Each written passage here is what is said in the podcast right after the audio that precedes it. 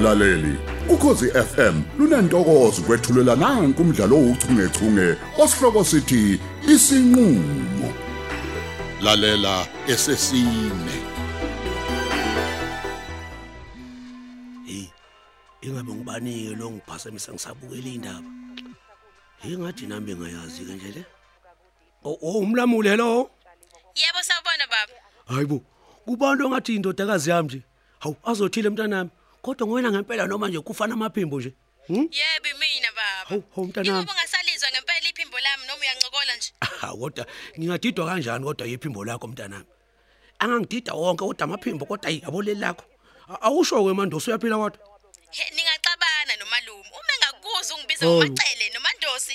axabane nobani ukhumalo kanti wena ngokwabani wophela wena ngucele undosi umagaya ngithi Ngiyakwazi lokho baba. Umalume uyamazi na ukuthi umuntu onjani. Hey. Uhlale ngitshela ukuthi mina ngingoba kakhumalo. Hayibo. Ngoba abantu bakithi futhi uvela bize wena ngegama. Athi awufuni nje ukungihlawula hey kakhumalo. hey hey umalume wakho uyahlanya manje wena mntanami wena nje akusoze kwashintsha ukuthi ngowakacele noma ngathiwa ngimubi kanjani mntanami kodwa isibongo sakho ngucele nje kwaphela Okubhlungu nje baba ukuthi uyena umalume onqabile ngizohlala lapho. hawu Ukuze ngisondezele isikole. hayi man Mina baba bengicela ukuthi nixoxisane nomalume ukuze Oh. nivumelane ngenivumelana ngakho ukuze Hey, hey. ngiqhubeke nemfundo yami. hey uyazi ukhumalo kusho ukuthi akasophindi nje ayekele ukubhayiza kwakhe njengoba induna nje yalapho emaqhosheni usazibona efana nenkosi yakhona mani engangiqabela kanjani mntana ukuthi uze ngala kumina eTop Hills uzokwazi phela ukuthi ungene university hm Nangu baba unqabile. Lento mina ngifakela istress nje angifuni ungasho. Eh eh yabonwa selokwakhoza kumanazareth nje usayibona e- engcono kunathi. Ucaba ukuthi bonke abantu eh, bala emhlabeni emhlabeni bazozwa yena. Eh ulawula lapha emaqhosheni man. Usefuna ukulawula mina ngicela. Ngihlala la eTop Hills. Eh uqambeshile angeke azakubone lo ndodakazi. Uzwa ngami. Hawu. Mina baba bengifisa ukuza ukuthi ngayinkinga yini uma wena wenza njengoba umalume efisa. Ngenzeni? Ngihlawule. Ngeza intando yakhe. Ubuza lokho azothile, he? Ubuza lokho? Bengibuza lokho impela baba. Ngoba nginovalo lokuthi ngizoze ngiphazamiseke esikoleni. Izinsuku ziyahamba baba, ngiyacela. Hey, hayi kulungile ngiyakuzwa mntanami kodwa phela kumele ukwazi ukuthi mina angikholelwe kulezo zinto zo- zokumahlawula.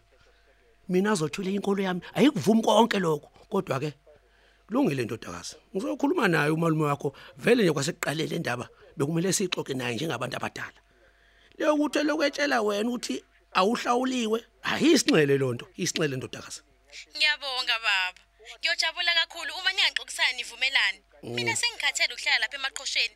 Sengifuna ukuzohlala nawe lapha eTop Hills. Hayi ndodakazi awuyazi angive ngijabula ke mntanami. Yangibe sengikukhumbule phela uyazi. Kumele uze nje ngempela. Yikeni phela la azothile. Lapho ikakhumalo kumalume wakho ndodakazi. Ngiyabonga baba. Sengizozwa ngawe ukuthi nixoxe navumelana ngani. Hayi. Kulungile my angel. I will update you, okay?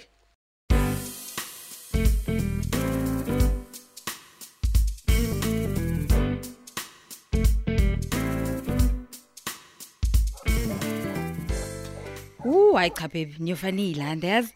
Kanti uthule nje comfortable kanje imoto yakho. Yazi bekungathi ngigibele ibhanoyi futhi angilazi ke njena. Thanks babe for giving me a drive and a ride. Hayi hayi hayi unjalo phela wena. Ihaba nje into yakho nje ha? Wenze ngathi ubuqala ukugibela le moto. Cha baby ngiyavuma phela bengingaqala ukuyigibela. Kodwa ukuyidrayiva ngangigcineni nje. Uyazazi na ukuthi awunika nje ngaleli jalimane lakho. Kwayezolo nje angazi nokuthi bengigezephi. Hayi into ebangela ukuthi ngingafuni. Sishintshane ngeimoto ilento engivelela izolo emini ngihamba ngale moto yakho. Emini? Uhamba ngemoto yami? Yini kwenzakaleni?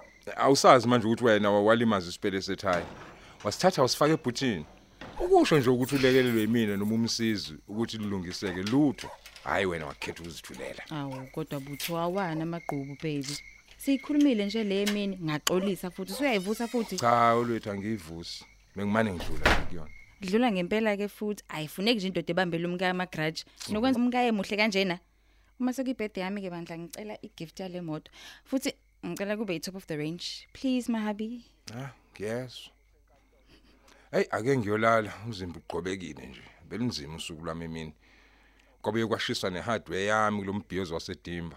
Oh just take it easy on indaba ye-hardware babe. Insurance will take care of everything. I know. But nje noma kunjalo kukhona into nje ethi hey umuntu usazoqala phansi avuse alungise manje Mabutho njengoba usiyolala uzolala ungagezile baby.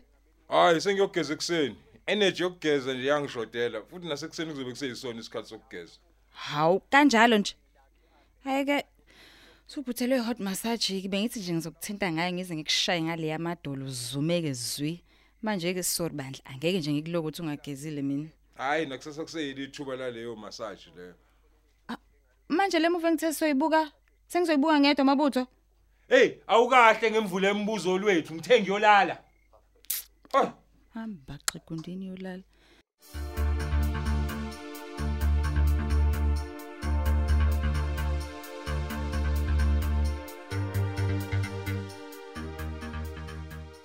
hayi impela qinisiwe uma kuthi umuntu ungasho ukuthi uyamazi uFatima eh usefana nje nestranger la uqobo kumina. Lo mfazi esatholana naye sise yingane esifunda ndawonye la edimba hayi usevele nje wangishintshela esiswini njengotshwala uyabonga isikhathi nje simbanga nomabutho enqotshwa yimi ngangitshela ukuthi mina hayi ingoba wayelandela inhliziyo yakhe kodwa hayi manje kusa ngokunye uma sengenzela imigilingwane nje. Esami nje isona ukuphelela umsebenzi ngenxa yeCovid. Usekhohliweke njalo ukuthi imali eningi yami engayithola emsebenzini yaphelele ikweletini zakhe lezi ezazimqwashisa ngesebusuku elele yena nje uqanyela ukuthi hayi mina imali ngaphisana ngayo ebhanoyini lasedandi. Hayibo lapho phela ngangizamela yena impilo engcono. Hayi phela nje kukulukhuni kuba indoda. Aw ngalesikhathi sobusuku hayi mina ngivamile nje ukufonela ngalesi ikhathi ubani yena lo hayi sengozwe sekhuluma sawubona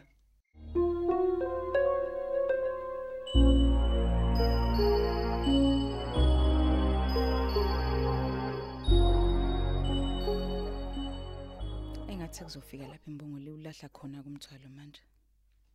Ngiyofani nje ngempela ngiphile lempilo kuba yifinisha kulomuzikazi olapha ekhaya. Angivunyelwe ngisebenze uma ngikhononda ngivalwa ngokuthengela izipho ezimbeqolo. Hayibo bakithi. Nami ngiyadinga ukuphithizela njengabo bonke abantu. I'm a graduate and I need to be financially independent. Yemini ngigonqoza ngedwa.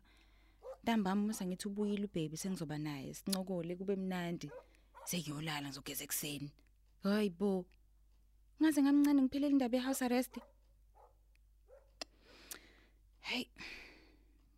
Impela sengiyaliqalekisa ilanga engahlangana ngalo nomabutho. Kodwa kwabonakala indlela angiphuthuma ngayo wangishada. Ukuthi mhm lo ufuna ukungigila. Ake ngifonela umuntu ozongenza ngibe busy.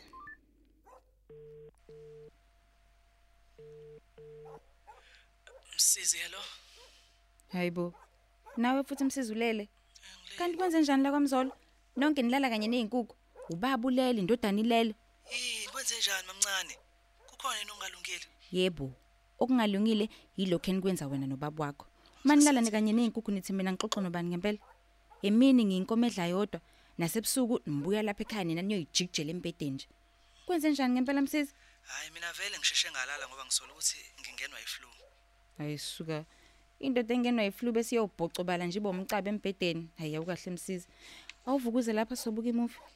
Ubaba wakho sevele wangishiya nje ngiqhomolozile wathi usiyolala engagezile njalo. Vuka ke please. Hayi mamncane. Hayibo, uthi usibonile isikhathi? Kuyoshaya u9 manje. Isikhathi sokwenzani msisi? Awungeke phansi ngesikhathi wena. Vuka vuka vuka ngikulindile izoqala manje movie.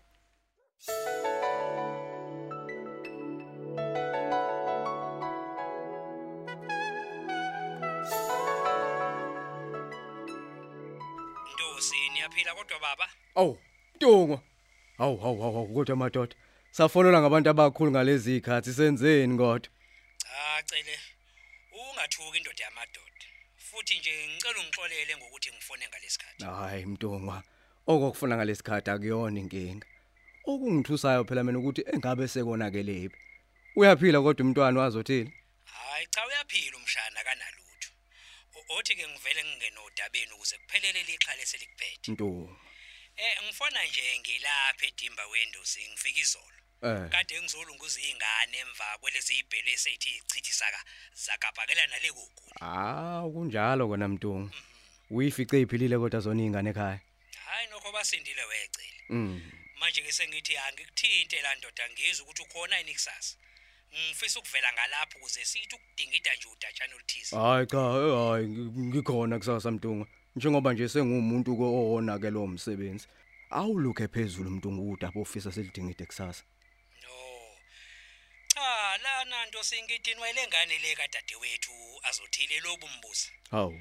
uyazi yini? kulezi insuku ushamashushu ukuthi ufuna ukuzohlala noyise elamike lithi lokho ngeke kwenzeke ngoba phela cele niyazi nani ukuthi nona lapha ekhaya Ih, umlamuli wasa lisudadewethu ungenzeni Eyi. emva kwalokho kwacweba iziba nje angaze nigeze emuzi angaze nihlawule ngisho iqude nje leli ngale licele nalenze uf. Hayi kona ngiyezwa Mtunga kodwa ke eh bengibona ukuthi le ndaba idinga umnikazi wayo umlamuli ngoba phela nakho usekhona usaphuma la kule ndawo ku. cha cha.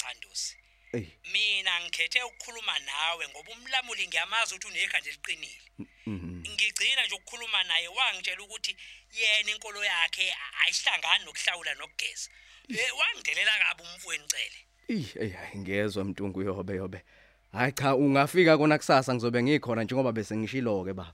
Eh okuningi ke nje hayi sesokukhuluma sesinda hona. nene ndosi hayi ngiyabonga impela nje indlela ongimukela ngayo ndoda Hayi kubonga mina mina Mtunga. ngizoxoxa nawe nje bese ke wena ukhuluma nalo wakwini mhlawumbe wena uzokuzwa kangcono Mm. mina angifuni ukulokhu ngiqagulisana naye ngoba umenza kanje ngizothi ngisuka nje ngibe ngimfaka icala enkosini mina sekubezelele Ayi. esigcaweni e- e- emaqhosheni Hayi hayi baba bamduna. Hayi cha a- asifisi ukuthi kuze kufike lapho thina cha. Wena qhamuka nje kusasa ke Mtunga ebese thina sifakana imlomo nje. Ubona kanjani ba? ke ndosi kulungile ngiyabonga salanike nabantwana Mtunga.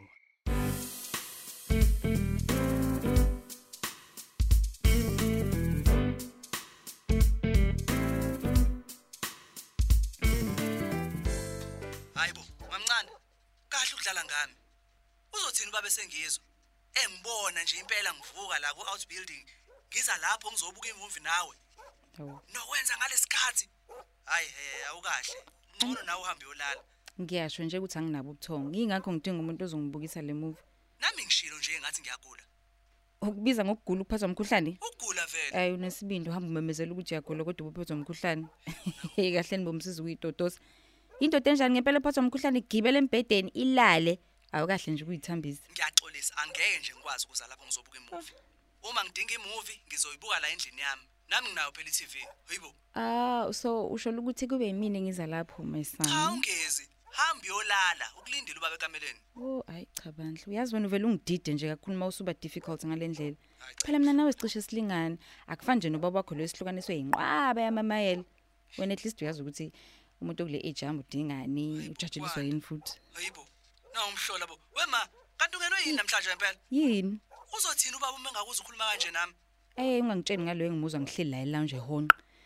So Shanok, uyaza ngoba vele ulele manje ubaba wakho lo msabiso kwezulu. Cha. Angisi, ngiyalala. Isizulu esengisikhulumayo. Futhi nocingo lwami sengizolivala yakho sengiyalala. Wena ucabanga ukuthi ukusuka la elounge kuzongithatha nje ama hour. Yabo uma ungezi kuzozamena ke lapha. Futhi awuthi ngisukume kwaye manje ngize Ma lapha. mama ngiyacela ngiyacela ungayenzi leyo nto please. Awufuni nje ukuza sekuzozamina ke. Ubani lo ufika kuyena wethu? Nokwenza ngalesikhathi ha? Haw mabuthi baby uvuke nini? Ngiza ngizokumassage. Asame phela sekameleni zokunikeza i hot massage. Uphela kanjalo ke umdlalo wethu ouchungechunge osihloko sithi isinqulo olethelwa ukhozi FM